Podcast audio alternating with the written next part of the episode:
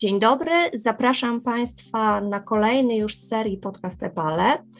Dziś razem z moim gościem porozmawiamy na temat fotografii, siły jej przekazu, znaczenia w obecnych czasach. Porozmawiamy także o fotografii jako o narzędziu z dużym potencjałem edukacyjnym. E, zastanowimy się, czy w pewnym wieku na jej naukę nie jest przypadkiem już za późno. E, oczywiście trudno powiedzieć, w którą stronę e, pójdzie nasza rozmowa, ale mam nadzieję, że będzie trochę o ważnych tematach z punktu widzenia użytkowników elektronicznej platformy na rzecz uczenia się dorosłych w Europie. To jest e, o nowych technologiach, włączeniu społecznym i kształceniu ustawicznym, wszystko w nawiązaniu do fotografii.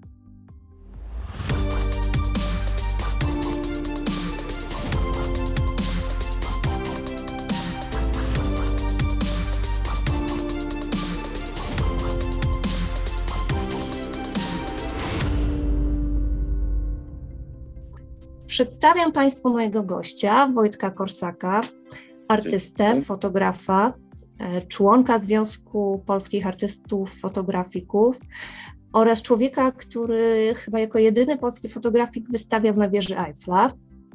Wojtku, Twoje zdjęcia są w wielu albumach i przewodnikach. Zorganizowałeś wiele wystaw indywidualnych. Mm, z tego co wiem, niedawno zakończył się jeden z Twoich projektów. Był czas, kiedy pisałeś reportaże dla Poznań Świat, czy na przykład do Newsweeka. Bardzo długo mieszkałeś w ukochanym przez e, siebie Paryżu, a po wielu latach wróciłeś do Gdańska, w którym się urodziłeś.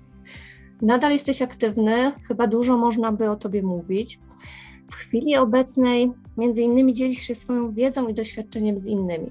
Na początek wyjaśnię naszym słuchaczom, gdzie spotkały się nasze drogi.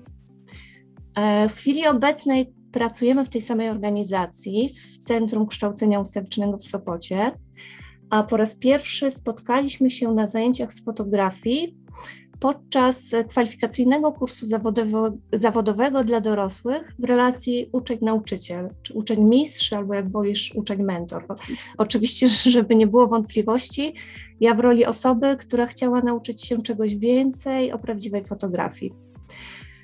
Zdecydowałam się zaprosić Ciebie, Wojtku, do tej rozmowy, bo osobiście doświadczyłam, jak zarażasz e, swoim entuzjazmem i pasją do fotografii. Tym bardziej, że po kursie nasza współpraca się nie zakończyła, z czego bardzo się cieszę, ale o tym za chwilę. Mm, wykorzystujesz fotografię na co dzień do edukowania dorosłych na różnych płaszczyznach, a ja też na co dzień zajmuję się edukacją e, dorosłych i to chyba nas łączy. I tak na początek e, chciałabym Cię poprosić, byś powiedział e, tym, którzy nas słuchają, skąd Twoja miłość do fotografii, jak to wszystko się właściwie zaczęło. Może pamiętasz e, swoje pierwsze zdjęcie mm, albo zdjęcie, które wywarło na Tobie jakieś szczególne wrażenie? Możesz nam o to powiedzieć?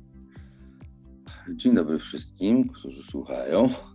E, no, słuchaj, e, cała historia, jeżeli chodzi o fotografię, zaczęła się bardzo, bardzo, bardzo dawno. Jak miałem 5 lat, to zrobiłem pierwsze zdjęcie. To było portret mojej mamy, jeżeli tak można powiedzieć, dlatego że e, no, tak troszkę było mm, niezbyt w środku ta mamusia była, ale rzeczywiście było widać.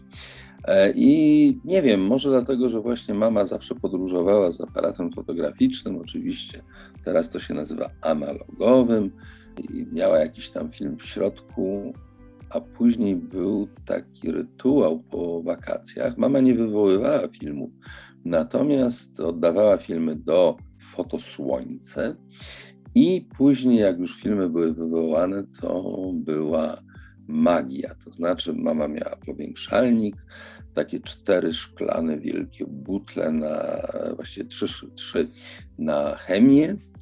No i ja już wiedziałem, że jak, e, ponieważ wtedy chemia była tylko i wyłącznie w proszku, więc jak już mama rozrabiała chemię, a przeważnie robiła to dzień przed, to wiedziałem, że będzie coś fantastycznego, to znaczy noc wywoływania e, zdjęć. I chyba chyba tym mnie tak mama zaraziła naprawdę, bo to były dla mnie jakieś takie przeżycia nieprawdopodobne. No po pierwsze, jak miałem te 5, 6, 7 lat, nagle nie musiałem iść spać o siódmej e, wieczór. E, taki mieliśmy nieduży pokój, było totalne zaciemnienie. Mama za kocem zaciemniała okno. No i był powiększalnik, trzy kuwety i taka czerwona żarówka. No i wtedy się to wszystko zaczynało. To, była, to było dla mnie jakieś fantastyczne. Często żeśmy siedzieli do drugiej, trzeciej rano. Ja oczywiście już na oczy niewiele widziałem. Mama była, powiedzmy sobie, no, amatorem, ale mimo wszystko to, jak się obraz ukazywał wywoływaczu na papierze, to było dla mnie niesamowite. Mama była wyznawczynią, trzeba naświetlić, patrzeć, mhm jak to się wywołuje i, i nagle wyciągnąć, żeby jak już jest dobrze, to trzeba było wyciągnąć. No oczywiście nie tak się robi zdjęcia, ale tak dla mnie się zaczęło, zaczęła ta przygoda z, z fotografią i, i gdzieś cały czas jak wchodzę do ciemni, to przypominam sobie te moje pierwsze, pierwsze zetknięcia z fotografią. I to jest cały czas bardzo żywe i, i wspaniałe. I poprzez reakcje słuchaczy, z którymi mamy do czynienia, jak oni obserwują e, pojawienie się obrazu e, na papierze w wywoływaczu i, i reakcje są takie same. To jest niesamowite. Jest 50 e, lat później, nawet więcej i, i ludzie tak samo reagują. To jest, to jest wspaniałe, fantastyczne. To jest magia, to jest coś, co co, z jednej strony to, to oczywiście jest technika, chemia, fizyka i tak dalej, a z drugiej strony to jest bardzo ludyczne. Po prostu nagle się robi wow, o, zobacz, wyszło, tak, jest wspaniale. Także dla, dla tych, tych między innymi momentów, jak jestem w ciemni ze słuchaczami, to jest dla mnie to jest wielka, wielka taka zabawa, bo, bo widzę, jak oni reagują, a reakcje są absolutnie świeże, takie naturalne i, spontaniczne. To, to, jest, to jest fantastyczne. Rzeczywiście, Wojtku, pamiętam e, sama swoje zdenerwowanie, jak miałam wywołać pierwszą kliszę zrobioną e, na naszych zajęciach aparatem analogowym.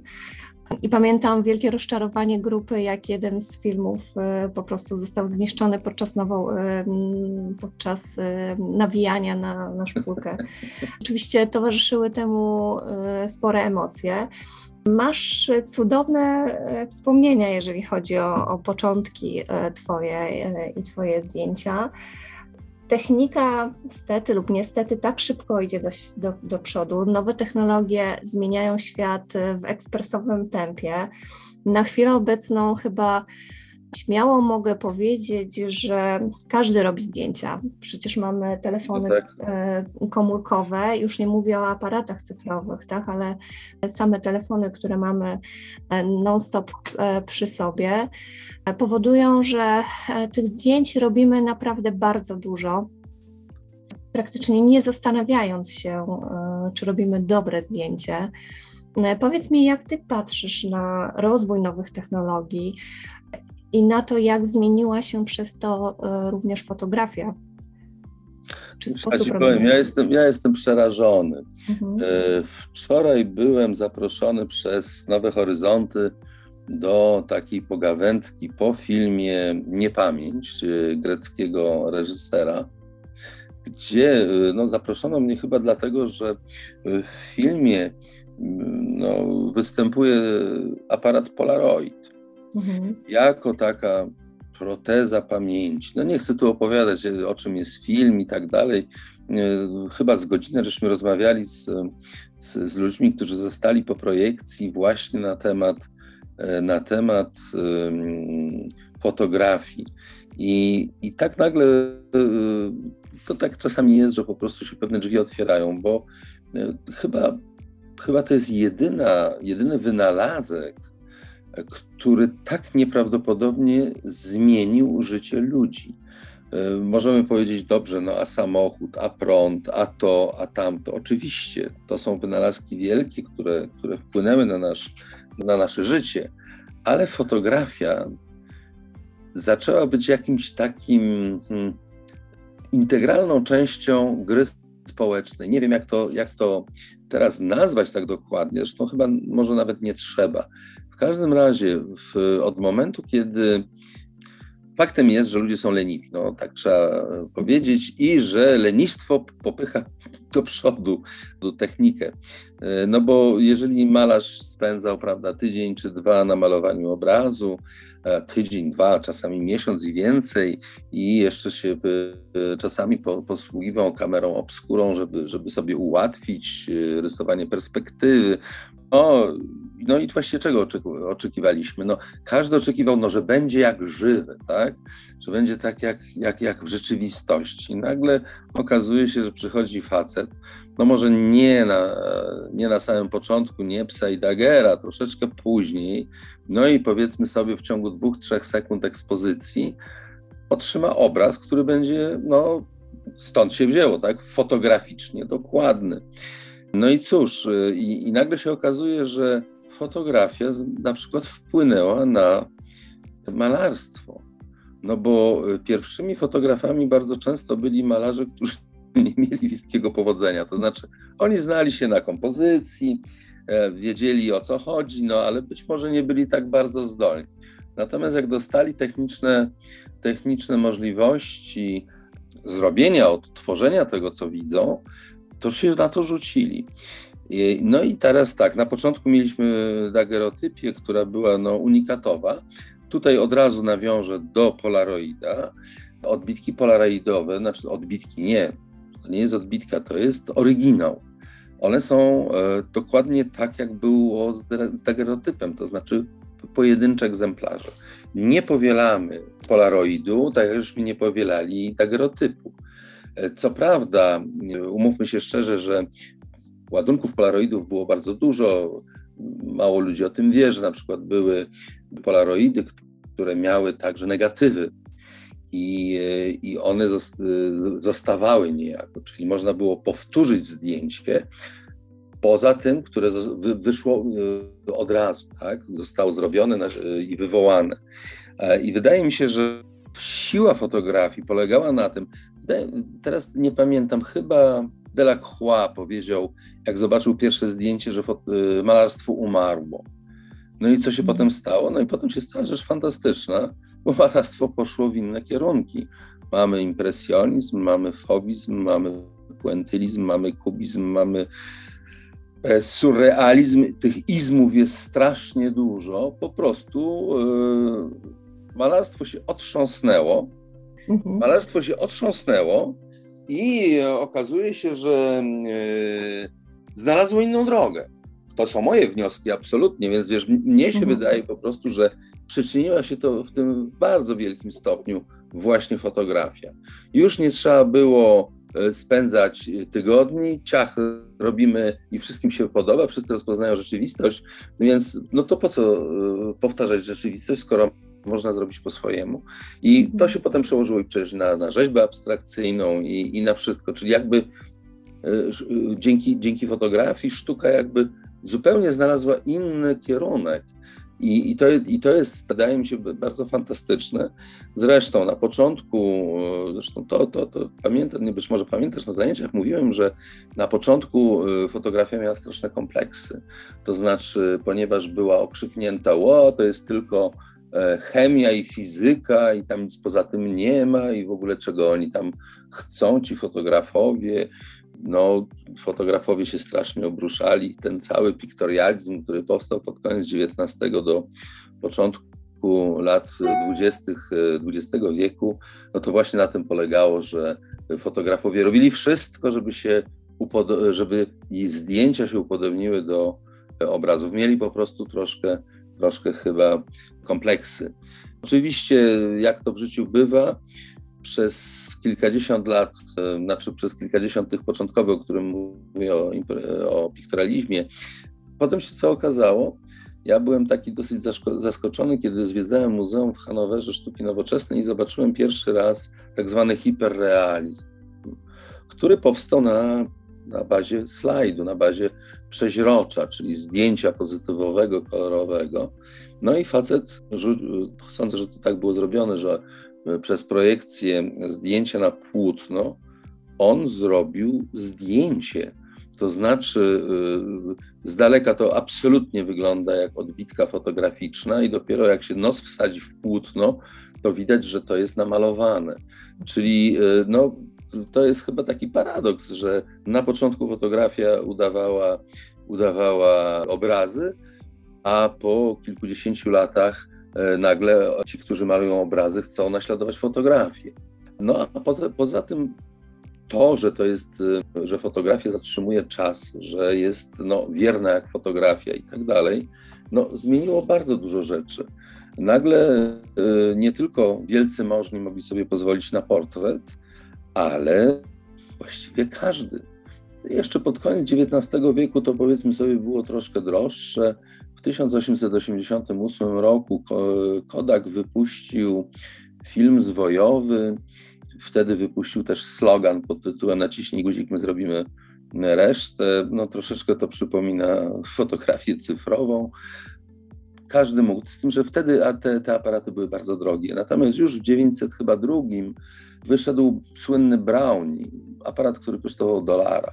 I był załadowany filmem, można było zrobić zdjęcia, oddać aparat z naświetlonym filmem do laboratorium. Tam wywoływano, wywoływano negatyw, robiono odbitki, ładowano aparat i oddawano. I to działało doskonale. I nagle się okazuje, że ludzie robili już wtedy miliony zdjęć. No bo y, aparat towarzyszył wszystkim ważnym wydarzeniom w życiu y, człowieka, rodzin. Tak? Zdjęcia dzieci, zdjęcia ślubów, pogrzebów, jakichś wydarzeń, podróży. To zaczęła, fotografia zaczęła towarzyszyć i to bardzo, bardzo blisko. E, wydaje mi się, że co jest ciekawe, że bez względu na to, czy to była czy to był system jeszcze srebrowy, analogowy, czy teraz jest totalnie cyfrowy, to psychologicznie zostało to w nas takie samo. To znaczy, mamy ochotę rejestrować wydarzenia, które są dla naszego życia ważne. I e, wrócę jeszcze do tego filmu. Film e, wydaje mi się jest godny, godny zobaczenia. Mnie osobiście, jak ja to mówię, na kolana nie rzucił, ale jest ciekawy, to jest taki nurt kina greckiego, troszeczkę taki no, na pograniczu rzeczywistości i nierzeczywistości, no ale tam chodziło o to, że e, ludzie tracili pamięć i lekarze im kazali e, robić pewne, jakby odkrywać na nowo, zapisywać na nowo pamięć i głównym nośnikiem tego, tego zapisu to były polaroidy. Każdy e, z tych pacjentów miał, no zupełnie jak w misji Y, Impossible dostawał taki komentarz od lekarza na, na, na kasecie magnetofonowej, zrób to, to, to i sfotografuj na końcu. Jedź, pojedź na rowerze, a na końcu sfotografuj to. I te zdjęcia, które wychodziły z Polaroidu, były wklejane do albumu. Jako y, no, tworzenie na nowo niejakby osobowości, nie wiem, no, dyskusja po filmie była długa i wiele różnych wątków tam E, wyszło e, na jaw.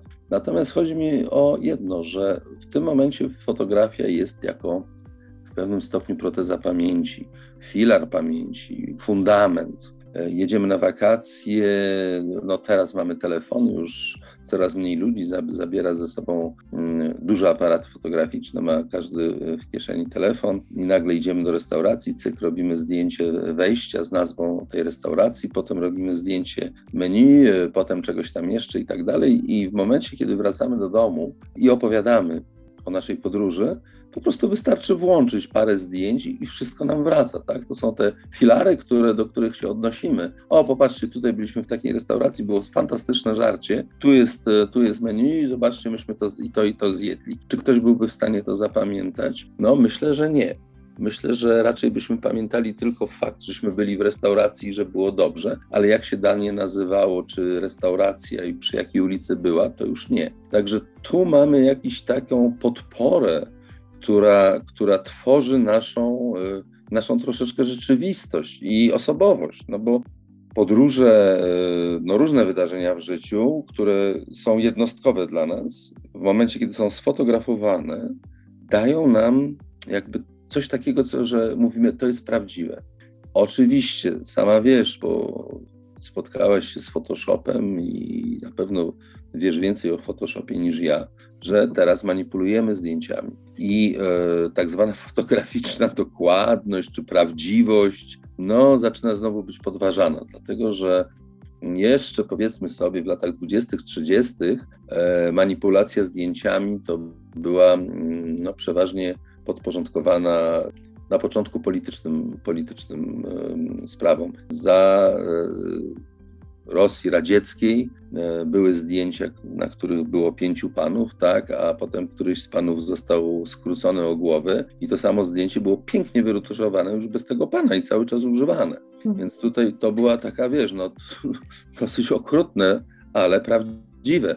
E, oni mieli fantastycznych retuszerów, którzy potrafili usunąć odpowiednie osoby i wszystko było cały czas prawdziwe. No oczywiście prawdziwe na tyle, na ile wierzymy w fotografię, że ona jest prawdziwa. I wydaje mi się, że do lat tych 90., powiedzmy, kiedy zaczęła cyfra głowę tam wystawiać z nad, z nadwody. Jeszcze nie była e, jakimś tam środkiem popularnym i tanim. Nikt nie myślał oczywiście ani o telefonie komórkowym, tym bardziej z, z aparatem fotograficznym to mimo wszystko jeszcze w jakiś stopniu było to powiedziane, popatrz, ja jestem tutaj pod tą palmą, a ta palma i ta plaża to jest na przykład, w, nie wiem, no, w, na Bali, tak? Więc ja tam byłem.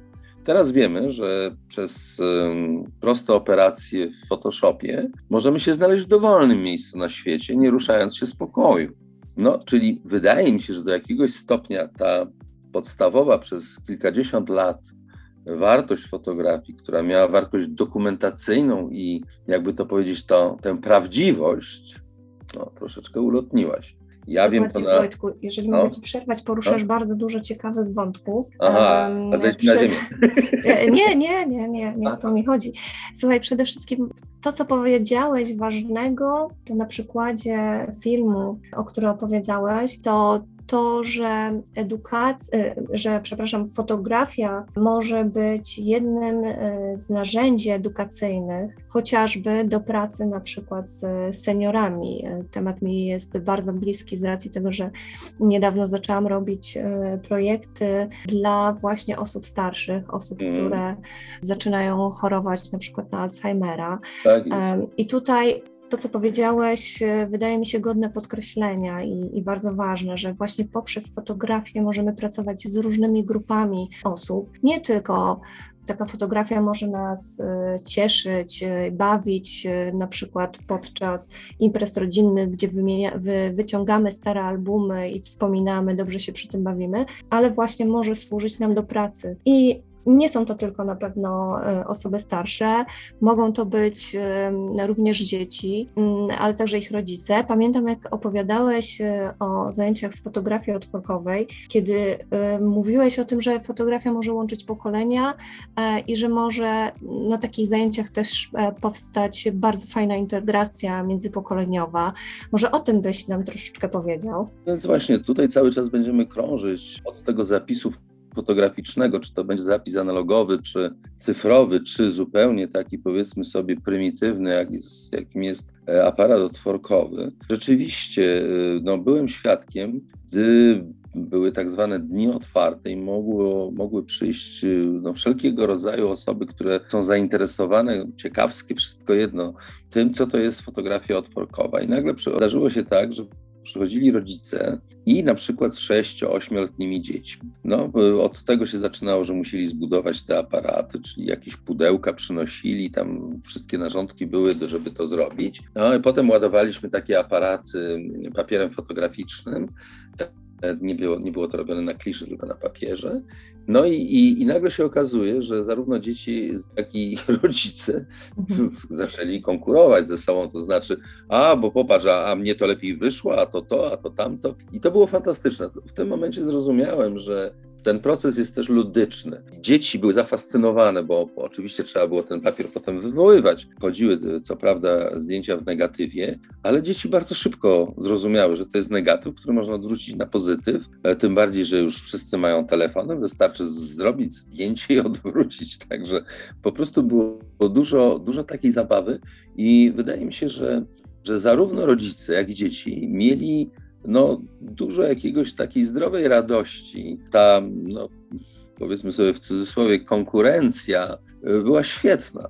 Także sądzę, że, że tego typu zajęcia z fotografią, z taką żywą fotografią, nie, bo mnie się wydaje, że mimo wszystko cyfra jest jakaś trochę zimna. Jeżeli chodzi o, sama była świadkiem wywoływania filmów, sporządzania odbitek, e, wydaje mi się, że tam jest cały czas coś takiego jak, no Francuzi mówią mystère, takie coś niesamowite, dziwne i, i takie takie nie do końca zrozumiałe. To znaczy widzimy, wiemy jak to zachodzi, jakie procesy chemiczno-fizyczne, wszystko w porządku, ale mimo, mimo wszystko jak się obraz pokazuje, to jest takie wow. I te dzieci i rodzice, patrząc na te zdjęcia udane, nieudane, prześwietlone, niedoświetlone, różnie było, to właśnie było takie wielkie oczy i oni byli wszyscy na tym samym poziomie. I sądzę, że wspomniałaś tutaj o osobach starszych.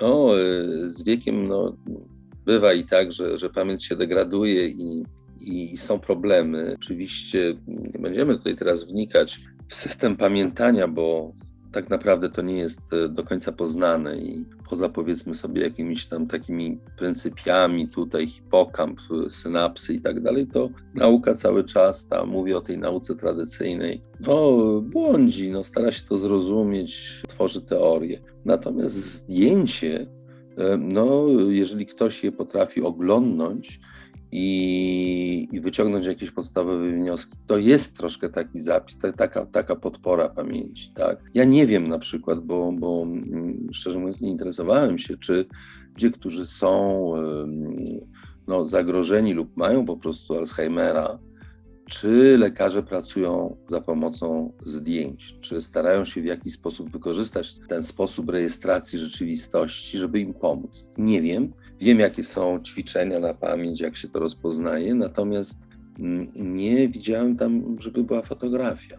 I może Wiesz właśnie. Co, no, y, z wiem, tego co pamiętam, to jeden z, naszy, y, jeden z partnerów naszych, naszego projektu z Włoch opowiadał, że ćwiczą z seniorami właśnie po to, żeby przywracać wspomnienia, między innymi poprzez fotografię. Poza tym y, ludzie, starszy, ludzie starsi uwielbiają fotografię i żyją wspomnieniami tak naprawdę, więcej pamiętają z lat młodości tak, tak, niż tak. z dnia wczorajszego. I często jest tak, że opowiadają jedną historię 10, 12, 13 czy, czy nawet więcej razy, opowiadali o tym, jak cierpliwymi musimy być i słuchając tych e, historii. I właśnie w, e, kiedy opowiadali o tych metodach pracy z osobami starszymi, jeden z kolegów rzeczywiście wspominał fotografię i mówił, że dla niego osobiście jest to, to bardzo ważne narzędzie. Więc myślę, że to jest taki kolejny dowód na to, że fotografię możemy wykorzystywać w, do pracy tak e, na co dzień z różnymi grupami. Ty i ja akurat pracujemy z osobami dorosłymi. I jeszcze tak pozwolę sobie wrócić na moment do, do tych nowych technologii, którymi y, wielu z nas y, tak naprawdę jest y, mocno zafascynowana. Ta transformacja cyfrowa idzie w zastraszającym tempie, jak dla mnie. Wydaje mi się, że czasami idzie no, za takim, szybko. Tak, za szybko, po prostu nie nadążamy za, za tymi wszystkimi zmianami. A z tego co pamiętam e, z kursu u ciebie, to ty tak uczyłeś nas e, na patrzenia, e, uczyłeś nas patrzenia na to wszystko z takim większym dystansem, uczałeś nas, nas troszeczkę bezmyślności, takiego szybkiego naciskania na spust migawki. I to jest to, co ja zapamiętałam z Twoich zajęć i wiem, że moi dorośli mm, koledzy i koleżanki z grupy mówili dokładnie to samo Uczyłeś nas tego, że fotografia nie jest dla nerwusów przede wszystkim. Pokazałeś, że, że mm, e, robiąc zdjęcia, musimy rzeczywiście zupełnie inaczej myśleć, musimy się wyciszyć, malować sobie obraz w głowie, zanim to zdjęcie rzeczywiście zostanie zrobione. Ja to rzeczywiście pamiętam. Twoich zajęć e, i wydaje mi się, że to taka cenna lekcja była e, dla wielu z nas bo pokazywałeś e, nam przez to wszystko, co nam opowiadałeś e, o, o tych 200 lat rozwoju fotografii, jak tak naprawdę e, patrzeć e, na nasze modele, czy przedmioty, czy momenty, które chcemy uchwycić na fotografii. Dla mnie osobiście to była naprawdę bardzo fajna e, i cenna lekcja, ale to tak tytułem podsumowania tego, o czym do tej pory rozmawialiśmy. Chciałabym jeszcze z Tobą porozmawiać na temat potencjału edukacyjnego fotografii i tego, kiedy według Ciebie tą fotografię możemy wykorzystywać e, do takich celów, jak takich ważnych celów, do uświadamiania na przykład mm, na różne ważne społecznie tematy, czy podczas jakichś kampanii, czy po, podczas na przykład wystaw e, fotograficznych. Ja wiem, że ty tych wystaw zrobiłeś naprawdę wiele poprzez każdą wystawę chciałeś zapewne pokazać co innego. Każde zdjęcie e, zrobione przez Ciebie ma jakąś fajną, ciekawą historię, jakiś ciekawy przekaz. Mógłbyś mi powiedzieć, proszę, czy w momencie, e, kiedy tworzysz takie e, wystawy, czy myślisz o tym potencjale, edukacyjnym, czy to przychodzi tak zupełnie naturalnie? Znaczy wiesz, skłamałbym teraz mówiąc, tak, oczywiście, najpierw mhm. mówimy o edukacji. Tak nie jest. Mhm. Mnie się wydaje, że to, czego Was starałem się nauczyć, to jest pewne skupienie. Y, ponieważ świat pędzi do przodu, ponieważ cyfra jest łatwa, a większość z Was, jeżeli nie wszyscy, zaczynaliście od cyfry. To znaczy, dostajemy aparat, naciskamy guziczek, z tyłu jest ekranik i widzimy, co żeśmy zrobili o, nie wyszło dobrze. No nie wiem, dlaczego nie wyszło dobrze, to może czymś pokręcę, wyjdzie lepiej, tak? Czyli to jest metoda prób i błędów, która nie ma żadnego, żadnej podstawy, jakby to powiedzieć, takiej, no, żeby wyciągnąć wnioski nawet.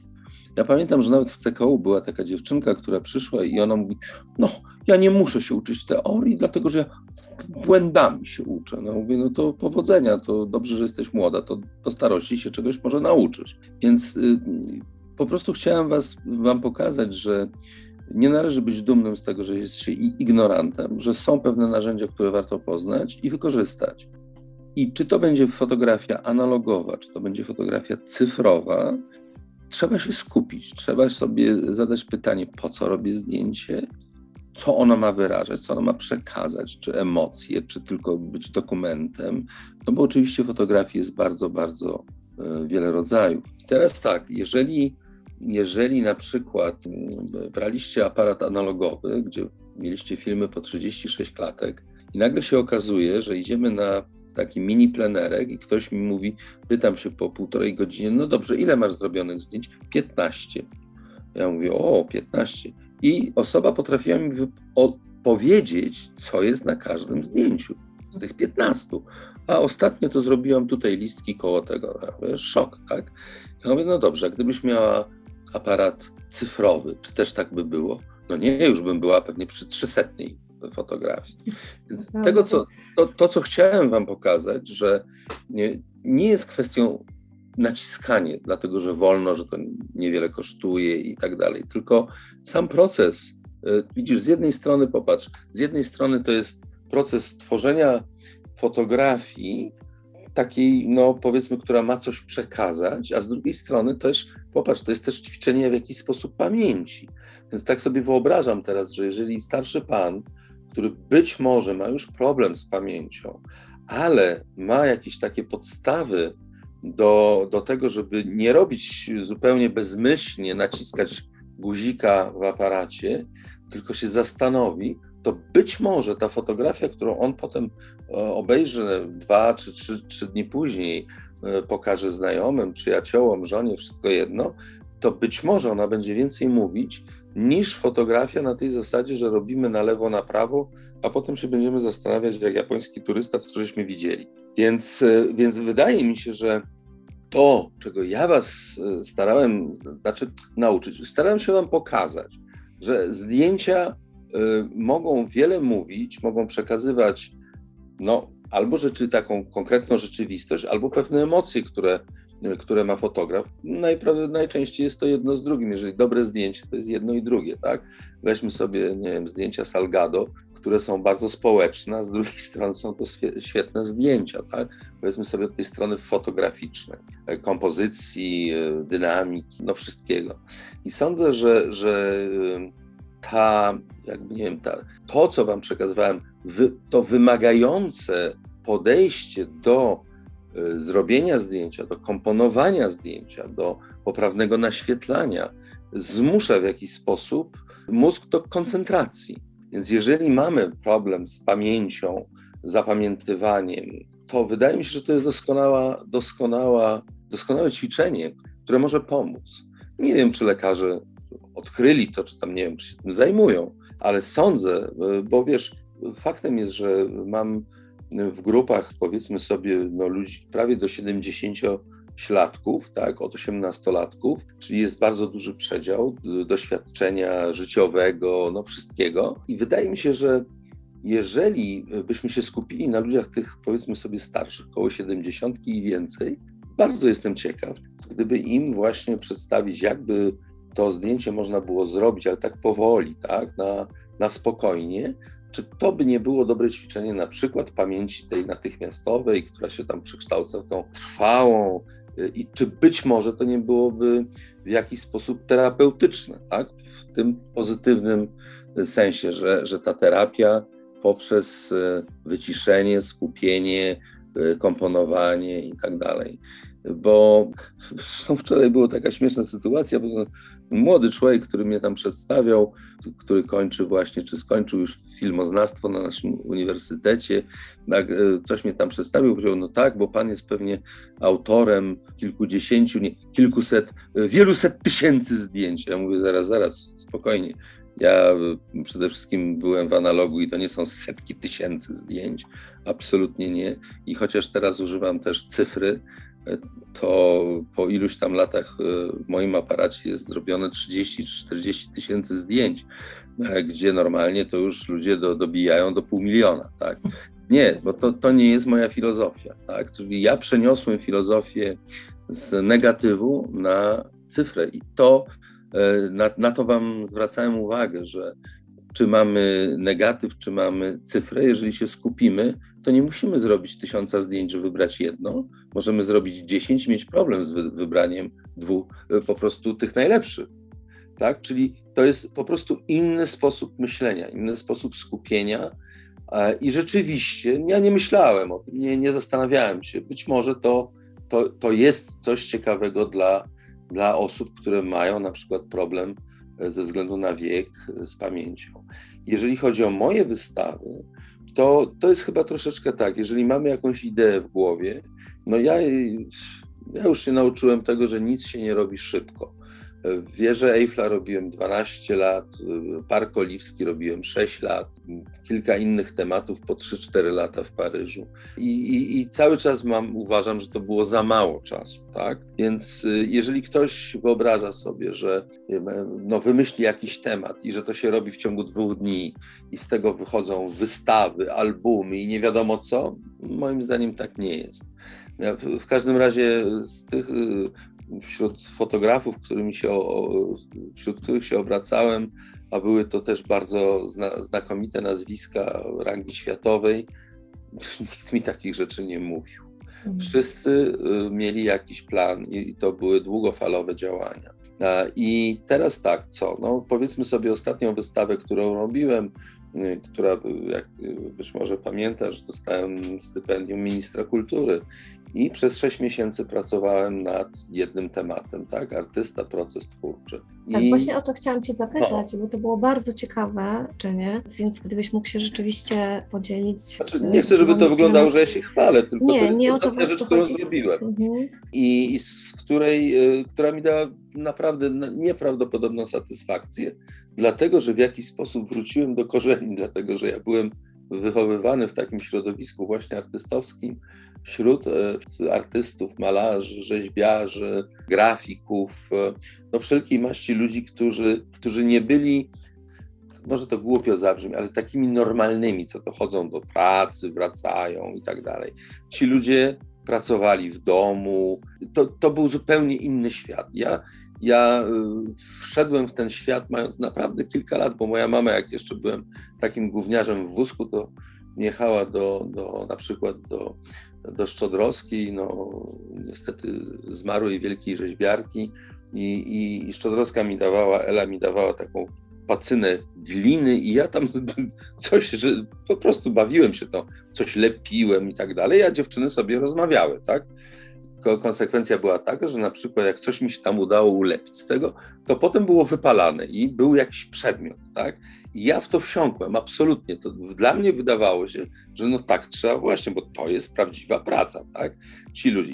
I jakoś nie, nie wydawało mi się normalne, że ludzie wstają rano, idą do pracy, wracają i to. Nie, ja, myśmy przychodzili i ci ludzie, ci ludzie byli u siebie i oni tam pracowali. To, to, to mnie chyba skrzywiło na całe życie.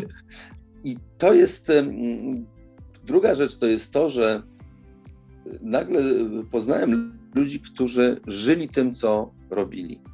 Czyli tam nie było coś, no wiesz, dzisiaj jest piątek i tak dalej. Nie. Ci ludzie, czy to był piątek, czy niedziela, pracowali, bo kochali to, co robili.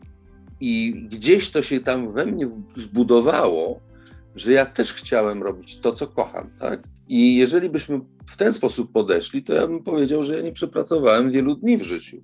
Bo jeżeli idę robić zdjęcia, to ja w ogóle nie, nie odbieram tego jako pracę, tylko jako przyjemność. Nie myślę o tym w tych kategoriach, rozumiesz, że muszę pójść, to tam odbić jakąś kartę. Nie. Dla mnie to jest po prostu kolejna przygoda. I to, ten projekt, to było coś takiego jak powrót, wiesz, bo ja nagle znowu wróciłem do artystów. Teraz tak, miałem przerwę ponad 20 lat w Polsce. Ci ludzie wtedy no, wzrastali, no bo bardzo wielu profesorów ASP, no takich ludzi już na bardzo wysokich po pozycjach, powiedzmy artystycznych, naukowych i w ogóle fotografowałem. I ja nagle się zanurzyłem w czymś, co było dla mnie no po prostu normalne. No przecież przychodzę i jest pracownia. Jest brudno, jest nieład, i, i ten artysta, który tam miota się w środku, to było coś genialnego. Ja po prostu wróciłem kilkadziesiąt lat wstecz i wymyśliłem sobie tak, że ponieważ chcę ich pokazać przy pracy, bo tego niewielu ludzi widzi, prawda? Więc e, dążyłem do tego, żeby oni mnie zaakceptowali jako takiego no, mało przeszkadzającego człowieka. E, mieli robić swoje, a ja miałem e, dokumentować to fotograficznie. Dlatego te zdjęcia nie są doskonałe, dlatego, dlatego też jeżeli sobie przypomnisz, co mówiliśmy o kompozycji i tak dalej, to nie są portrety typu beauty, tak? To są portrety bardzo często przerysowane, szerokie, szerokie obiektywy, bo były małe pracownie. Po prostu wydawało mi się, że to, co jest ważne, to jest ekspresja tych ludzi i ten cały świat, w którym oni żyją. Wiesz, na przykład u, u pana Kalkowskiego, który pracuje w nocy, a myśmy się umówili chyba na, nie wiem, ósmą wieczór czy siódmą wieczór, byłem tam do 11, a może do 12 w nocy. On, on po prostu mi opowiadał mnóstwo fantastycznych rzeczy. Pracował w piwnicy przy sztucznym świetle. Ja tam po prostu się przemieszczałem, tak żeby mu nie przeszkadzać. I to było coś absolutnie niesamowitego bo, bo to jest rytm tego człowieka, bo on wtedy wchodzi w zupełnie inny wymiar. E, ja, wiesz, trudno mi jest ocenić, do jakiego stopnia udało mi się to e, przekazać, bo to jest bardzo trudne. Ale w pewnym momencie, jak ci ludzie zaczęli, jakby to powiedzieć, no, opowiadać o różnych rzeczach, i to jest fajne, bo oni opowiadali i jednocześnie pracowali, tak? A i, i, i przestali na mnie zwracać uwagę, więc ja robiłem swoje zdjęcia. I to są takie, takie momenty absolutnie genialne. Więc ja byłem wtedy skupiony absolutnie na tym, co ja chcę pokazać, na, mając tam gdzieś z tyłu głowy cały czas, niech chcę zarejestrować, jak oni to robią. Wiesz, no trudno jest na przykład, y, zacząłem od y, Mikołaja Trzaski, który jest no, wybitnym saksofonistą, kompozytorem muzyki filmowej, no i znam go od, od piaskownicy, no bo trochę starszy jestem od niego. I, I mówię, Mikołaj, no po prostu zapomnij o mnie i rób swoje. I, I on był fantastyczny. On po prostu grał na takim saksofonie, innym w ogóle, coś tam miksował, czasami coś powiedział. No jak ci się podoba ten kawałek? A ja byłem świadkiem, jak on tworzy filmy, y, ten muzykę do filmu Smarzowskiego. Tak? I muszę ci powiedzieć, że to były, to są momenty, które są po prostu, tego nie można zamienić na pieniądze, na cokolwiek. Dla mnie to, to były fenomenalne przeżycia. I teraz tak, no dobrze, są zdjęcia i teraz jest kwestia tego, jak publiczność, jeżeli przyjdzie oglądnąć, jak ona to odbierze. Jeżeli przeczyta króciutki tekst, no z tym założeniem, które ja miałem robiąc zdjęcia, to, to być może wejdzie w ten świat.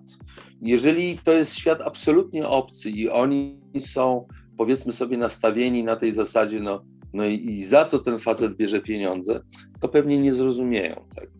No ale y, sprawa jest prosta, no nie, nie, nie zadowolimy wszystkich, tak? Wydaje mi się, że z, z, każdą, z każdą wystawą, bardzo sporo ich zrobiłem, e, powiedzmy sobie, e, ciekawo, ciekawostką, jeżeli chodzi o wieżę Eiffla, było to, że w momencie, kiedy była otwarta wystawa już na pierwszym piętrze wieży, to przychodzili pracownicy wieży, którzy pracowali tam po 24 lata i więcej. I mówili, ty Wojtek, a, a, a gdzieś to zrobił to zdjęcie? Ja mówię, na wieży. No ale mówi, wiesz, ja tu, tu pracuję 25 lat. No ja mówię, no wiem, ale dlaczego nie patrzysz naokoło? I to było dla mnie fantastyczne, bo wydaje mi się, że ja im pokazałem, że miejsce, w którym oni pracują, które znają z codziennej pracy, nie znają go tak naprawdę, bo nie zwracają na to uwagę. Na to uwagi.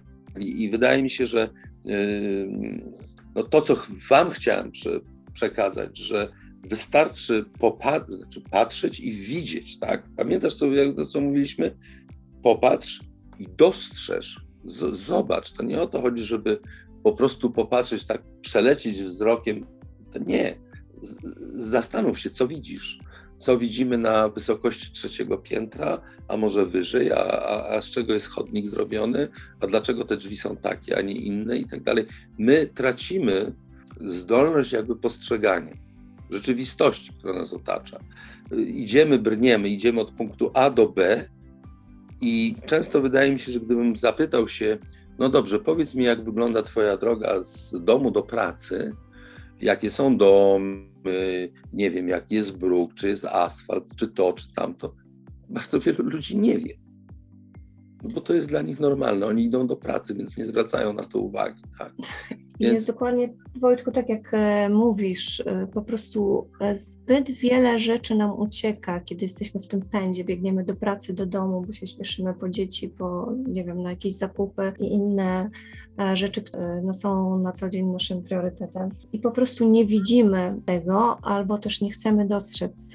Ja pamiętam, jak mocno zmieniło się moje postrzeganie tego, co jest wokół mnie, właśnie po zajęciach z Tobą, tak? I teraz do chwili obecnej łapię się nad tym, że idę gdzieś i nagle dostrzegam piękny moment, piękną scenę, piękną twarz, e, nie wiem, gry światła e, z cieniem i mówię, kurczę, jak, szko jak szkoda, że nie mam ze sobą aparatu. Mogłabym zrobić cudowne zdjęcie. Kiedyś czegoś takiego nie widziałam. I, i, I, rzeczywiście, tak jak patrzę na Twoje zdjęcia, to widzę na chwilę obecną, że każde z tych zdjęć opowiada jakąś historię, są w nich emocje. Przekazujesz, pokazujesz osobowość czy autora, czy, czy siebie, czy, czy Twojego modela. To, co mi bardzo się podoba w Twoich zdjęciach, to to, że zajmujesz się fotografią czarno-białą, i jakoś te Twoje zdjęcia rzeczywiście e, do mnie mocno przemawiają i zapamiętuję je, czy zapadają mi w pamięć e, o wiele bardziej e, niż te piękne, wyretuszowane zdjęcia na przykład z Instagrama. W Twoim artykule, który napisałam na temat fotografii, czas na fotografię, właśnie zainspirowana swoim uczestnictwem w kursie, że e, każdego dnia pojawia się 95 milionów e, zdjęć właśnie na samym Instagramie, tak? I jak z, tych, z tej olbrzymiej e, ilości zdjęć wyłonić to naprawdę fajne, takie, które zapadnie, zapadnie Ci w pamięć. No to rzeczywiście jest niezwykle trudne i wydaje mi się, że to, że miałam okazję i szansę uczestniczyć w zajęciach kursu fotograficznego, pozwoliło mi patrzeć e, i widzieć rzeczy, których nie widziałam e, do tej pory. I to, to jest to, co, co tak bardzo e, sobie cenię na chwilę obecną. To jest doświadczenie, Sylwio, którego się po takiej ilości komplementów to ja osłabłem. Natomiast co, tak pomyślałem sobie, że jeżeli byśmy przełożyli takie ćwiczenia, wiesz, patrz i zobacz, tak? Patrz i bądź tak. świadom, bo tak naprawdę my nie używamy świadomości. To mhm. znaczy, za mało jesteśmy świadomi na co dzień. Wiesz, ja teraz ja pływam w różnych dziwnych literaturach, więc zarówno w tych naukowych i takich paranaukowych i różnych. I wydaje mi się jedno, że, y, że ludzie po prostu przechodzą w jakiś sposób koło życia obok.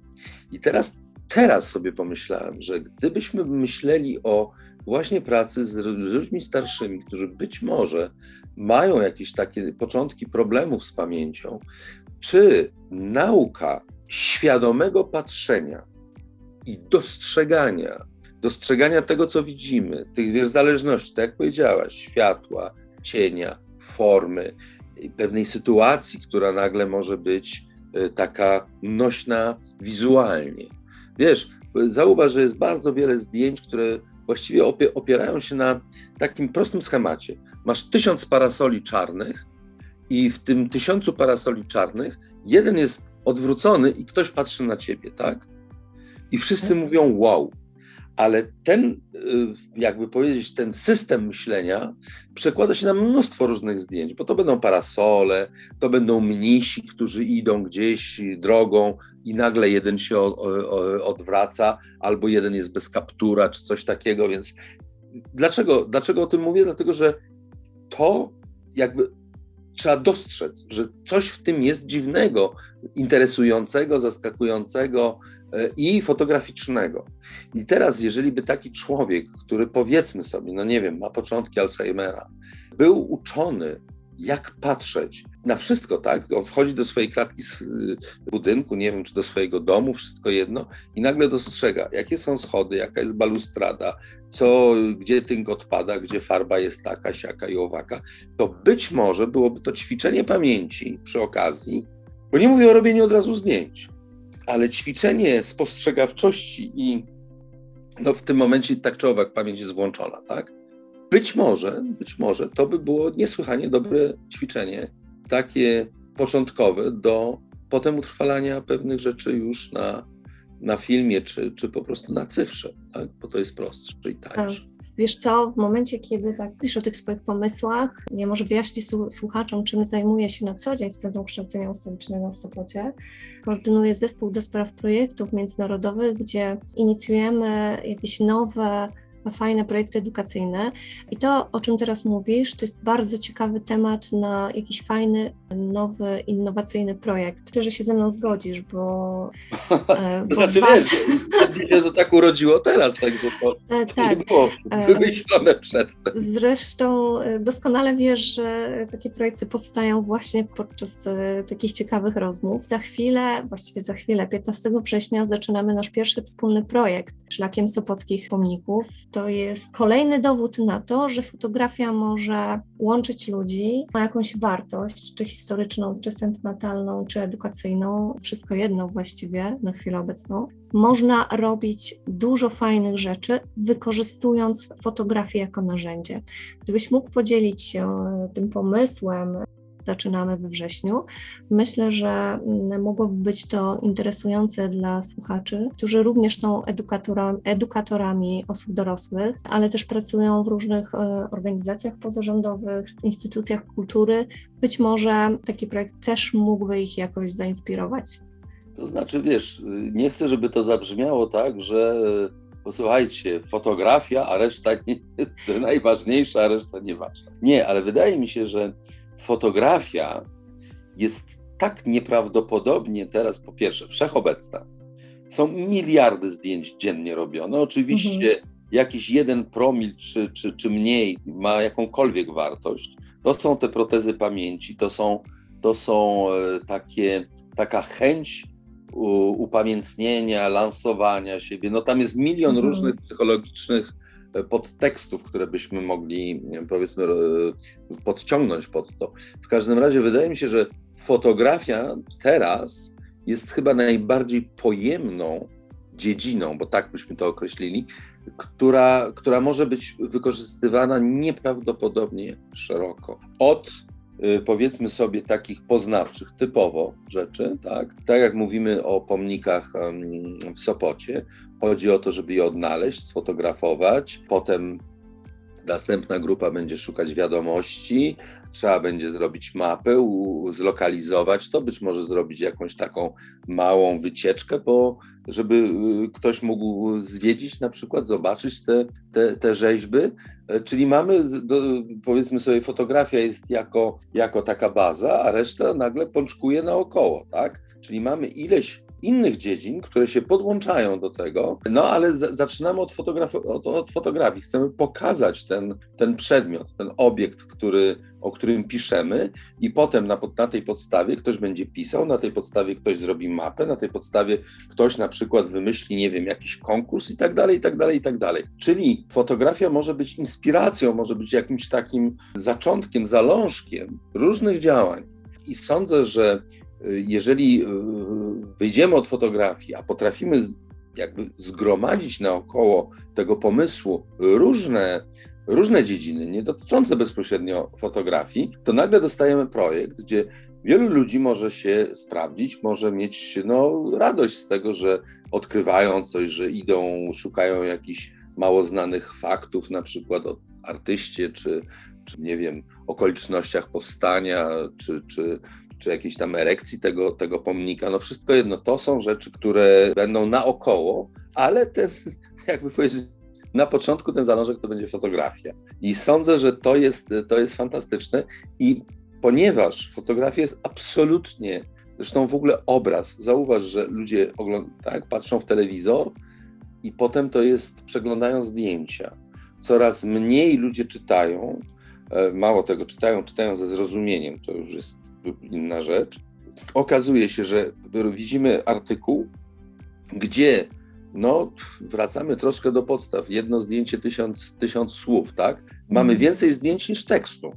I ludzie patrzą, ludzie, ale co jest smutne, ludzie patrzą i też do końca nie widzą, bo oni patrzą na te zdjęcia dokładnie tak, jak patrzą na to, co ich otacza, tak?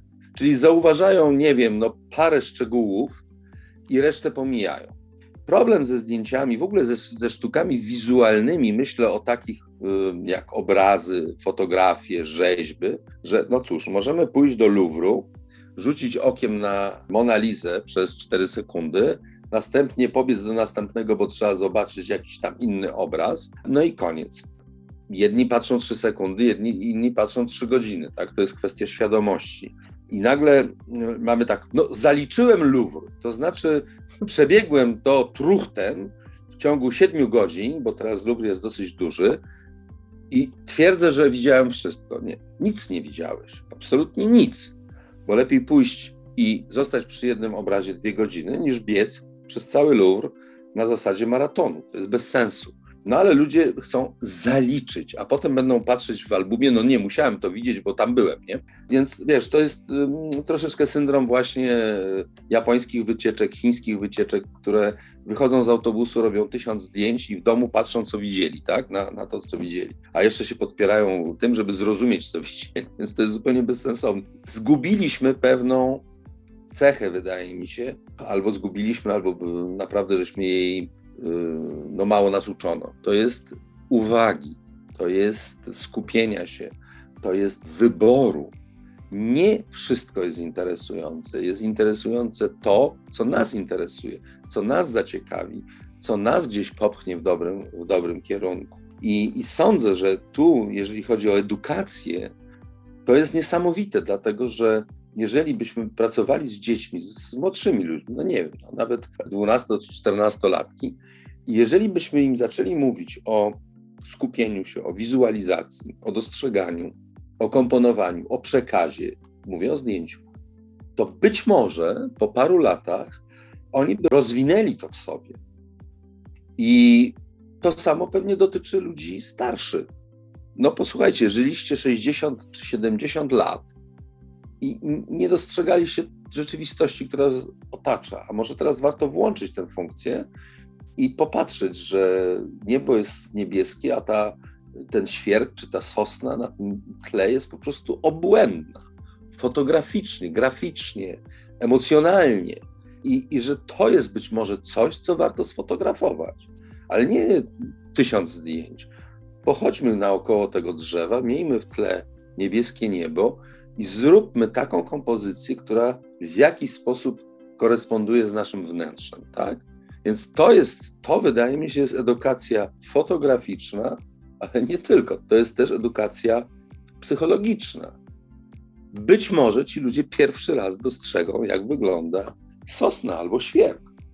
No nie wiem, jak ty to widzisz, ale wydaje mi się, że to są rzeczy, które szczególnie w naszym społeczeństwie, bo wydaje mi się, że na wschodzie może być inaczej, bo, bo buddyści i tak dalej, no to ta świadomość i, i ten to jest inaczej pojmowane i chyba inaczej uczone. Natomiast my w świecie tym zachodnim tak zwanym jesteśmy totalnie zagubieni, e, odłączeni od, od, od źródeł i, i, I, wydaje mi się, że ta fotografia może być pewnym takim, taką rzeczą pomocną, żeby znaleźć ten pomost z powrotem. To kolejna ważna rzecz, y, Wojtku, o której mówisz. Ja rzeczywiście mam bardzo podobne spostrzeżenia, jeżeli chodzi o to, jak my, jako społeczeństwo, jako y, osoby odwiedzające różne miejsca, zwiedzające muzea, y, galerie, postrzegają, czy, czy, czy w jakiś sposób w zbyt krótkim czasie, zbyt szybko, zbyt dużo chcą zobaczyć, a w efekcie nie widzą nic. I, I to jest rzeczywiście smutne bardzo. Nie byłabym sobą, gdybym oczywiście nie nakłaniała innych osób dorosłych do tego zatrzymania się, do refleksji, do próby skupienia się. Mi osobiście, tak jak już tutaj podkreśliłam, pomogło w tym e, uczestnictwo w kwalifikacyjnym kursie zawodowym fotografii. Być może Państwo e, słuchający nas e, też będą mieli e, potrzebę nagle takiego zatrzymania się, przemyślenia pewnych rzeczy. Czy będzie to fotografia, czy będzie to jakieś inne hobby, czy, czy zainteresowania. Jeżeli znajdą coś takiego, to chyba bardzo fajnie. Wojtku, ty na co dzień widzisz pewnie wielu słuchaczy i, i zapewne mógłbyś przytoczyć tutaj wiele przykładów, jak fotografia potrafi wpłynąć na życie dorosłego człowieka. Nie wiem, czy chcesz wiesz, podzielić tak, się. Wiesz, wiesz, tak nie, dla, wiesz, bo tak od razu, przepraszam, że ci przerwam, mhm. ale, ale i tak i nie. Z jednej strony, wiesz, ja no, staram się przekazać to, co dla mnie jest ważne, co jest w moim wnętrzu. Mhm. Z drugiej strony ten feedback jest nie bardzo. Ludzie wydaje mi się, że trochę się boją, trochę im wstyd powiedzieć, bo to są bardzo takie personalne mm, często zmiany, tak? E, wiesz, taka anegdota jest, którą bardzo lubię powtarzać. Chodziło o zdjęcie Casalsa.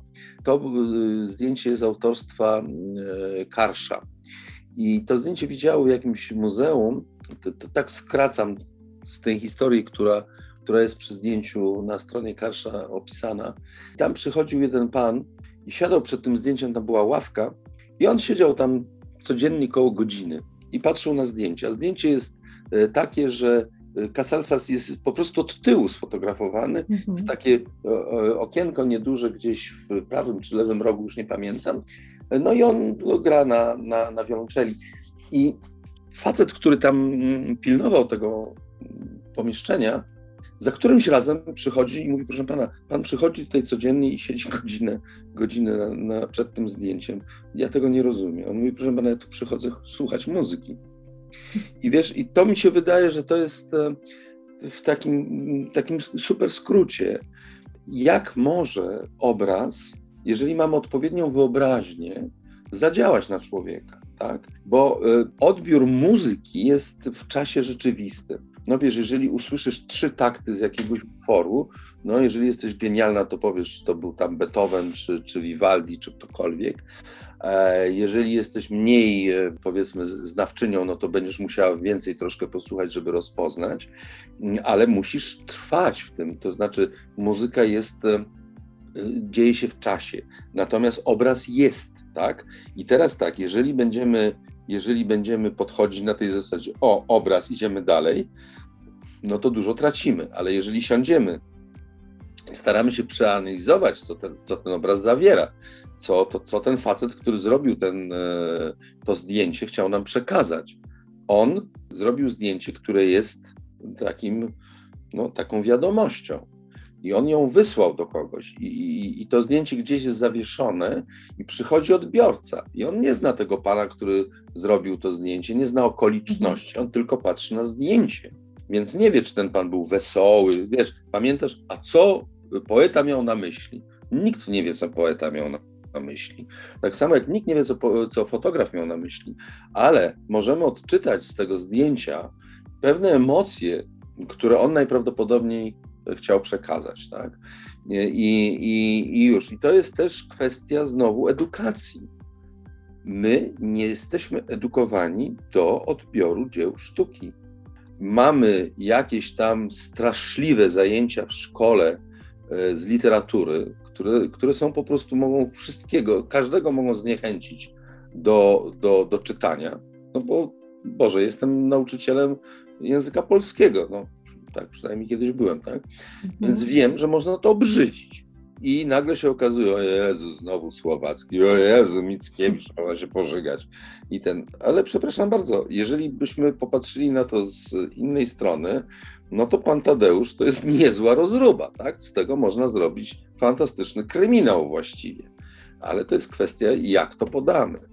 Jeżeli wielkim poetą był, tak, jak tam Gombrowicz pisał, i wielka, i w ogóle nic nie mówmy, bo sława, chwała i, i tak dalej, to jest nudne. Ale jeżeli byśmy po, pokazali, że to można odczytać zupełnie inaczej, to się nagle okazuje, że to może być fascynujące. To jest zbrodnia i kara, tak? Więc, więc wiesz, to są, to są takie rzeczy, które, popatrz, znowu, znowu wracamy do edukacji znowu nagle mówimy, no dobrze, a dlaczego ludzie nie umieją patrzeć na obraz? A dlaczego patrząc na obraz abstrakcyjny chcą dostrzec kotka, konia albo coś takiego, a nie potrafią po prostu powiedzieć, Boże, jakie ja mam wrażenia, uczucia, emocje? Czy ten obraz budzi we mnie na przykład dobre czy złe emocje? A czy tam widać to, czy tamto, czy nie widać, no to jest drugorzędna sprawa, ale kto tego uczy? Już nawet zdaje się w szkołach nie ma plastyki, tak? Więc, więc to jest cały, cały olbrzymi ciąg, który wymaga jakby takich wiesz, no, pracy od podstaw. No, XIX wiek się kłania. Dzień dobry. Ten, nauczmy, nauczmy, no tak, nauczmy ludzi, nie wiem, empatii, nauczmy czytania obrazów, nauczmy czytania sztuki. To nie jest coś, co jest zamknięte i przeznaczone dla jakichś super najwyższej klasy milionerów, to jest dla wszystkich. Tylko trzeba znać klucz, tak? I czasami ten klucz jest bardzo prosty i można samemu do niego dotrzeć, czasami jest trudniejszy, ale te klucze są dostępne. Tylko y, jeżeli nie ma edukacji, jeżeli, jeżeli ludzie, y, nikt im nie mówi, posłuchajcie, zobaczcie na na to zdjęcie tak, a, a dlaczego ten element przeszkadza, dlaczego to by było fajniej tak czy owak, no to w tym momencie nagle, wiesz, otwierają się pewne klapki i nagle e, mam nadzieję, że, że wiesz, po, po zajęciach, gdzie no, omawialiśmy zdjęcia, to znaczy ja gadałem na temat zdjęć, że coś wam zostało, że, że nagle dostrzegasz, że, że po co jest to na, na, tym zdjęciu, że ktoś nie pomyślał, że, że po prostu w trakcie robienia zdjęcia absolutnie pominął trzy czwarte jakby tematu, które mogłoby być, tak? I, i, ten, I to jest to, co wydaje mi się, że znowu fotografia jako ta, ta dziedzina, gdzie każdy może zrobić to zdjęcie już teraz, tak? No bo nawet starszy pan wyjdzie, zrobi y, zdjęcie swojej żony i teraz możemy na, na temat tego zdjęcia porozmawiać. Posłuchaj, dlaczego to jest dobre zdjęcie albo złe, a dlaczego to jest na tym zdjęciu, tamto, dlaczego o tym nie pomyślałeś o tym? I to jest pewna edukacja, która dotyczy kompozycji już, tak? Y, no bo to jest y, jakby hmm, uporządkowanie obrazu ale to się przenosi też na malarstwo, to się przenosi na, na grafikę, na mnóstwo innych dziedzin sztuki. I sądzę, że fotografia o tyle jest narzędziem fajnym, że no, trudniej jest namalować obraz czy zrobić grafikę, ale w dzisiejszych czasach, nawet używając telefonu, można zrobić dobre zdjęcie, jeżeli tylko myślimy o tym, co robimy. Dokładnie tak, Wojtku. Jeszcze słuchaj, e, zanim będziemy powolutku kończyć i podsumowywać naszą dzisiejszą rozmowę, chciałabym, żebyś jeszcze powiedział coś na temat grup, które uczysz, ponieważ, tak jak już dzisiaj powiedziałeś, e, masz słuchaczy w grupie w bardzo różnym wieku. Od 18-latków, powiedziałeś też, że miałeś osobę w wieku 72 no, lat. Więc ja, ja znam na co dzień, ponieważ sama uczę w takich grupach i wiem, jak cenne może być doświadczenie pracy z taką grupą, ta różnorodność, te nasze różne doświadczenia życiowe i zawodowe lub ich brak. Powiedz proszę, czy też widzisz, tak jak ja, że podczas takich zajęć na naszych kursach, kiedy mamy grupę tak bardzo zróżnicowaną, to ta grupa jest też e, przez to o wiele bardziej ciekawsza i pod różnym kątem rzeczywiście możemy patrzeć na siebie, na te nasze doświadczenia i uczymy się nawzajem od siebie. Nie tylko mm, słuchacz od słuchacza, czy słuchacz od nauczyciela, ale również czasami i nauczyciel od słuchacza. Powiedz mi, czy ty to potwierdzasz? Słuchaj, nie wiem, czy, y, bo wiesz, ja jestem nie jestem na siłę niekonwencjonalny, ale mhm. jak wiesz, u mnie wszyscy mówią sobie po imieniu. Tak. Wiesz, teraz mi jest trochę łatwiej niż jeszcze powiedzmy 15 lat temu, no bo wiek już robi swoje, tak? Ale czasami jest tak, że na przykład jest grupa, gdzie są 18-latki, 20-latki i jest na przykład osoba, która ma 60 parę lat, jest w moim wieku albo troszkę starsza. I nagle facet mówi, posłuchajcie, na moich zajęciach mówimy sobie po imieniu. Jest konsternacja. Ponieważ jesteśmy w takim społeczeństwie, które uwielbia sobie paniować i panować, a tu nagle facet mówi nie, jesteśmy na ty. Muszę ci powiedzieć, że ja trzymam się tego, dlatego że uważam, że w tym momencie y, odpada pewna, pe, pe, pewne formalności, wiesz? A proszę panią, czy pani będzie łaskawa włożyć negatyw do tego, tak? Proszę jest powiedzieć, posłuchaj, włóż i nie pomyl się. I, I ja jestem za tym. Zresztą środowisko fotograficzne wydaje mi się jest na tyle specyficzne, że tego typu zwracanie się do siebie jest no, chyba na całym świecie dosyć normalne. Pracowałem, wiesz, no, z różnymi fotografami, modelkami i tak dalej. Nigdy nie było czegoś takiego, żeby mówić per W. Po prostu wszyscy są na ty, bo jedziemy na tym samym wózku, robimy to samo, y, jesteśmy zaangażowani w to samo. I teraz wiesz, ja miałem kilka razy takie hmm, jakby no, dziwne spojrzenia, szczególnie od starszych osób. No jak to tak? Ty, a tu taki gówniarz siedzi 18 lat, tak? No, ale wiesz, ja jestem dosyć tego, no dobrze, jeżeli ktoś mi powie, nie życzę sobie, to ja będę paniował i panował. Natomiast y, jest takie, w pewnym momencie jest przełamanie i nagle się okazuje, że na drugich zajęciach jeszcze czasami taka młodzież, młodzież to ma do mnie ten, a mówi cały czas per pan, tak? Ja mówię, posłuchaj, ustaliliśmy, że jest tak, ja mówię do ciebie po imieniu i ty mówisz do mnie po imieniu. I nagle te starsze osoby przełamują się. Mało tego, pomiędzy nimi, to znaczy w grupie, też zachodzi jakaś taka reakcja, że zaczynają mówić do siebie per ty. I, I to jest genialne. Dlaczego? No bo na przykład młoda osoba szybciej, wiesz, pojęła pewne jakieś tam zadanie, a starsza osoba niekoniecznie. I zupełnie coś innego jest. No wie pani, jak pani coś tam tego. Nie, posłuchaj, jak to zrobisz tutaj, to zobacz, jak to jest fajnie. I okazuje się, że to moim zdaniem się sprawdza. Są oczywiście pewne opory, no bo mamy takie społeczeństwo, e, a nie inne, i w takim, w takim sosie jesteśmy wychowani, ale wydaje mi się, że no, Ostatnie grupy, które miałem tutaj mm, w tym roku, w zeszłym roku i tak dalej, wszyscy są na ty, wszyscy są. E, wydaje mi się, że w ogóle nie myślą na ten temat, bo przychodzą, mówię, Wojtek, to, to, możemy zrobić to, tamto, i ja jestem z tego bardzo zadowolony. Czyli wiesz, y, złamanie tej formalności, wiesz, oficjalnej, takiej szkolnej, pani profesor, czy tam coś tam, dla mnie jest bardzo ważne. Czy to jest e, nie wiem, e, popierane przez psychologię i tak dalej, nie wiem. Nie jest tak łatwiej pracować. Ja to lubię, ja lubię dotrzeć bezpośrednio. Zresztą sama widzisz, jesteśmy na ty, byliśmy też na ty podczas zajęć, prawda? Dokładnie tak. Słuchaj, e, wiesz co, to, co, to o czym mówisz, to Wydaje mi się, że e, ta praktyka, którą stosujesz, powoduje, że zanikają pewne bariery w komunikacji. Wydaje mi się, że chodzi, tak. dużo łatwiej ta komunikacja przebiega, dużo szybciej otwierają się pewne osoby pracę w grupie.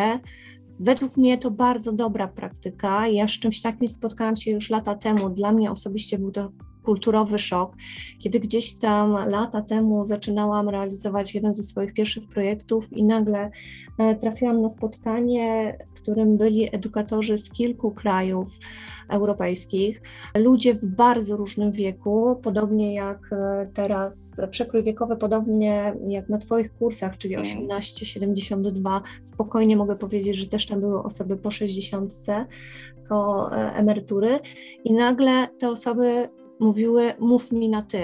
Dla tak. mnie to rzeczywiście był, był szok. Ja na chwilę obecną już jestem do tego bardzo mocno przyzwyczajona, ale też widzę, jak e, reagują nasi słuchacze e, na tego typu propozycje. Jest nam rzeczywiście trudno. Wydaje mi się, że to kwestia tego, jak jesteśmy wychowywani. Kulturowa, tak, tak, tak, oczywiście. Tak, ale rzeczywiście mm, to, o czym mówisz, e, według mnie się sprawdza, jeżeli chodzi o, o zanikanie tych barier. Wiesz, tak? poza tym jest jeszcze jedna rzecz. Ja y, uważam, że każdy z nas ma prawo popełniać błędy. Ja nie jestem ex katedra na tej zasadzie, że to, co powiem, to jest święte. Mhm. Po pierwsze, mogę się pomylić, mogę czegoś zapomnieć. Uważam, że mam prawo, tak? I i jest chyba łatwiej wtedy, jeżeli poza tym, jeżeli ktoś mi powie, Wojtek, mylisz się, bo ja tutaj właśnie wystukałem w telefonie, że jest inaczej. Ja mówię, no dobrze. Poza tym jest fantastycznie, jeżeli ja mogę się uczyć czegoś od nich. I to jest też w momencie, kiedy jesteśmy na ty i ktoś mówi, ty Wojtek, a ja tam znalazłem coś innego. Mówię, dawaj, zobaczymy. Mówię, no nie znałem tego, no super. Jesteście, bo są mądrzejsi, jeżeli chodzi o te wszystkie gadżety elektroniczne i tak dalej. E, I, i ten czasami, no dla mnie to jest fantastyczne, że ja mogę się też nauczyć podczas moich zajęć czegoś nowego. E, poza tym mają różne zawody. I ja jestem niesłychanie ciekaw, co robią, bo, bo to jest ich osobowość, to jest, to jest ich życie. I dlaczego robią tę fotografię? Tak? Dlaczego tu przyszli? I, i dzięki temu, że, że jest jakiś taki bezpośredni kontakt, no to nagle się dowiaduje o niesamowitych historiach. Czasami jest taka sytuacja, że, że dowiaduje się o takich bardzo dosyć intymnych rzeczach, dlatego że nie ma tej bariery, pan, panie, proszę pana, tu profesorze, coś takiego. Nie jest to niepotrzebne. Ja chcę mieć e, słuchaczy, którzy Y, będą mi mówić, nie, ja się z tobą nie zgadzam. Super, powiedz mi dlaczego. A po prostu wiesz, chodzi mi o te inter, interakcje, tak? I, I każdy z takie spetryfikowane pan, panie profesorze, tutaj to, to jest moim zdaniem przeszkoda. I poza tym idziemy na, na jakiś y, plener czy coś takiego. No, czy będzie pan y, y, taki miły i tę blendę podtrzyma troszkę tak? No nie, no nie wyobrażam sobie tego po prostu. No. Także, no jak mówię, to może, może ktoś mi zarzucić. Ja na razie no, no nie miałem jakichś przykrych, wręcz przeciwnie, miałem fajne, fajne reakcje. Tym bardziej, że wiesz, w momencie, kiedy na przykład grupa przychodzi po zajęciach i przynosi jakiś laurkę czy coś takiego, jest to fenomenalne. Wiesz, że dostałem koszulkę, tak? Wiem, widziałam na Facebooku. No posłuchaj, wiesz, tak. mnie to rozbiło zupełnie, no, ale teraz sobie wyobrażę, że ja jestem panem profesorem i że oni mi takie coś przynoszą. Wydaje mi się, że to jest niemożliwe. A tutaj, no nie, no rozkleiłem się wtedy absolutnie, wiesz, i ten, także to są takie rzeczy, które bez względu na to, czy, czy może jakaś osoba, tak jakby zresztą, wiesz, tak jak ci mówię, jeżeli ktoś sobie absolutnie nie życzy, to przecież nie będę e, forsował, tak, szczególnie jeżeli chodzi o osobę starszą. Jeżeli chce być w swoim sosie i troszeczkę outsiderem, proszę bardzo, ale przeważnie takie osoby też widzą, że to jest tak dziwne, że w pewnym momencie wekslują i po prostu przyjmują jakieś takie założenie, że jesteśmy wszyscy równi, wszyscy mamy tę samą pasję, wszyscy się uczymy, chcemy się nauczyć, poznać czegoś. I czy, mamy 18, 20, 40, 60 lat? No i przepraszam, jaka jest różnica? Łączy nas pewien, e, łączy nas pewna pasja, czy, czy chęć poznania czegoś i to jest najważniejsze. I to jest bardzo dobre podsumowanie naszej dzisiejszej rozmowy. E, nie wiem, czy się zgodzisz, ale wydaje mi się, że mogę zaryzykować takie stwierdzenie, że fotograf, może początkujący fotograf, żeby nikogo nie obrazić, jest trochę jak sportowiec, który musi nieustannie ćwiczyć. Może nie chodzi mi o to pod kątem e, ilości e, zrobionych zdjęć, ale oczywiście pod kątem jakości tych zdjęć, tak? I, i tego, jak w ogóle patrzy na to, co robi. Ja, e, Sylwio, mam nadzieję, że jak teraz bierzesz aparat, jak jesteś gdzieś w podróży, to już nie robisz 300 zdjęć. O nie, to tak, prawda. Tylko nagle się okazuje, że można zrobić, rozumiesz, 20 i coś na ten temat opowiedzieć, niż zrobić 300 i właściwie nie wiedzieć, po co one są zrobione. Tak? Więc jeżeli jesteś na tym etapie, to znaczy, że wszystko zagrało jak trzeba, bo to, byłby, to jest jakiś taki moja ambicja, żeby was po prostu sprowadzić na ziemię. I, I już, a poza tym zobacz, to wymaga troszeczkę skupienia, czyli tejżeż uwagi, świadomości, z którą mamy tyle problemu na co dzień. Dokładnie tak, Wojtku. Słuchaj, e, powiem Ci tak, ja jestem chyba na takim kolejnym etapie, jeżeli chodzi o robienie zdjęć, bo ja jako dziecko bardzo lubiłam robić zdjęcia. Robiłam rzeczywiście aparatem analogowym, gdzie z wakacji e, czy z imprezy rodzinnej wracałam z 12 czy maks 36 klatkami. Potem w momencie, kiedy dostałam w prezencie swoją pierwszą cyfrówkę, rzeczywiście nie było to już 36 zdjęć, było to 500, nawet 600 zdjęć. A na chwilę obecną, po kursie, kiedy już jestem rzeczywiście bardziej świadoma, inaczej patrzę na e, cały proces robienia zdjęć, inaczej patrzę na to, co fotografuję, to rzeczywiście tych zdjęć jest 20, 25 a więc jeszcze mniej niż e, przed e, tym pierwszym momentem, kiedy używałam aparatu analogowego. Ale to może o czymś rzeczywiście świadczyć. Wojtku, na zakończenie chciałam Ci e, bardzo podziękować. Mam nadzieję, że nasi słuchacze dotrwali do samego końca. Bardzo miło było mi porozmawiać z Tobą na te tematy, chyba dosyć ważne, jeżeli chodzi o o edukację i ten aspekt edukacyjny e, w tworzeniu, robieniu zdjęć. E, czy chciałbyś coś powiedzieć na koniec e, naszym słuchaczom? To znaczy, wiesz, wydaje mi się, że to, co mógłbym jako jakieś tam podsumowanie, że wydaje mi się, że jeszcze fotografia przed nami odkryje bardzo wiele różnych możliwości, no bo technologia idzie do przodu, że wszystkie te mm, technologiczne nowinki można wykorzystać właśnie w programie nauczania. I to wiesz, to nie nawet chyba nie, nie dotyczy tylko i, i wyłącznie, żeby robić lepsze zdjęcie, ale właśnie może rozszerzoną, taką, taką rozszerzoną świadomość, rozszerzone spostrzeganie, wiesz, zauważanie różnych rzeczy, do których nie jesteśmy, nau, których nie jesteśmy nauczeni, do których nie jesteśmy przyzwyczajeni tak? I, i że pod, ta, ta fotografia może być jak, takim zalążkiem do rozwijania mnóstwa różnych bardzo ważnych um, zdolności, które tak naprawdę społeczeństwo zapomniało. Bo wszyscy patrzą w telewizor, wyłączają myślenie, wyłączają spostrzegawczość, wyłączają jakąś taką y, indywidualną, wewnętrzną y, ciekawość. Także fotografia moim zdaniem jeszcze będzie bardzo, bardzo dużo mieszała w, w edukacji, w kulturze i, i, bardzo dobrze. I bardzo dobrze. Ja jestem bardzo z tego zadowolony.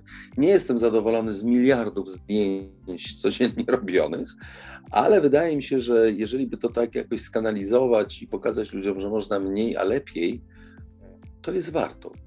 A wiesz, cały czas myślę o tych starszych ludziach, bo teraz czytałem dosyć dużo na temat pamięci to być może jest naprawdę niesamowita, niesamowity ładunek, taki potencjał w fotografii jako, jako punkt wyjścia do, pracą z do pracy z pamięcią. Bo spostrzeganie, świadomość i przekładanie to na obraz wy, wymaga wiesz, pracy wielu, wielu ośrodków mózgu. Będąc po tej stronie y, oficjalnej medycyny, może gdzieś tutaj jest jakaś taka, wiesz, furtka, którą można będzie otworzyć jeszcze. E, zapewne masz rację. Fotografia rozwija się no, już przeszło dwa, e, przez dwa wieki, prawda? Mamy co rusz myślę, że musimy definiować jej społeczne role od nowa To, że technologia tak mocno wpływa na nasze codzienne życie, na pewno też powoduje, że na tą fotografię będziemy inaczej patrzeć, inaczej e, zapewne ją wykorzystywać, jeżeli chodzi o jutro, a może perspektywę miesiąca, dwóch czy, czy, czy trzech lat. Tak? Tego nie jesteśmy w stanie powiedzieć. Wojtku, jeszcze raz bardzo Ci dziękuję za naszą rozmowę. Zapraszam e, i Ciebie, i wszystkich naszych słuchaczy do czytania artykułów, historii o bardzo ciekawych e, edukatorach, osób dorosłych, e, zapoznawanie się z wydarzeniami, innymi podcastami z serii Epale, właśnie na elektronicznej platformie Epale. Ja nazywam się Sylwia Kurszewska, jestem ambasadorką Epale. Bardzo e, dziękuję Wam wszystkim za to, że byliście dzisiaj z nami. Do widzenia. Do widzenia.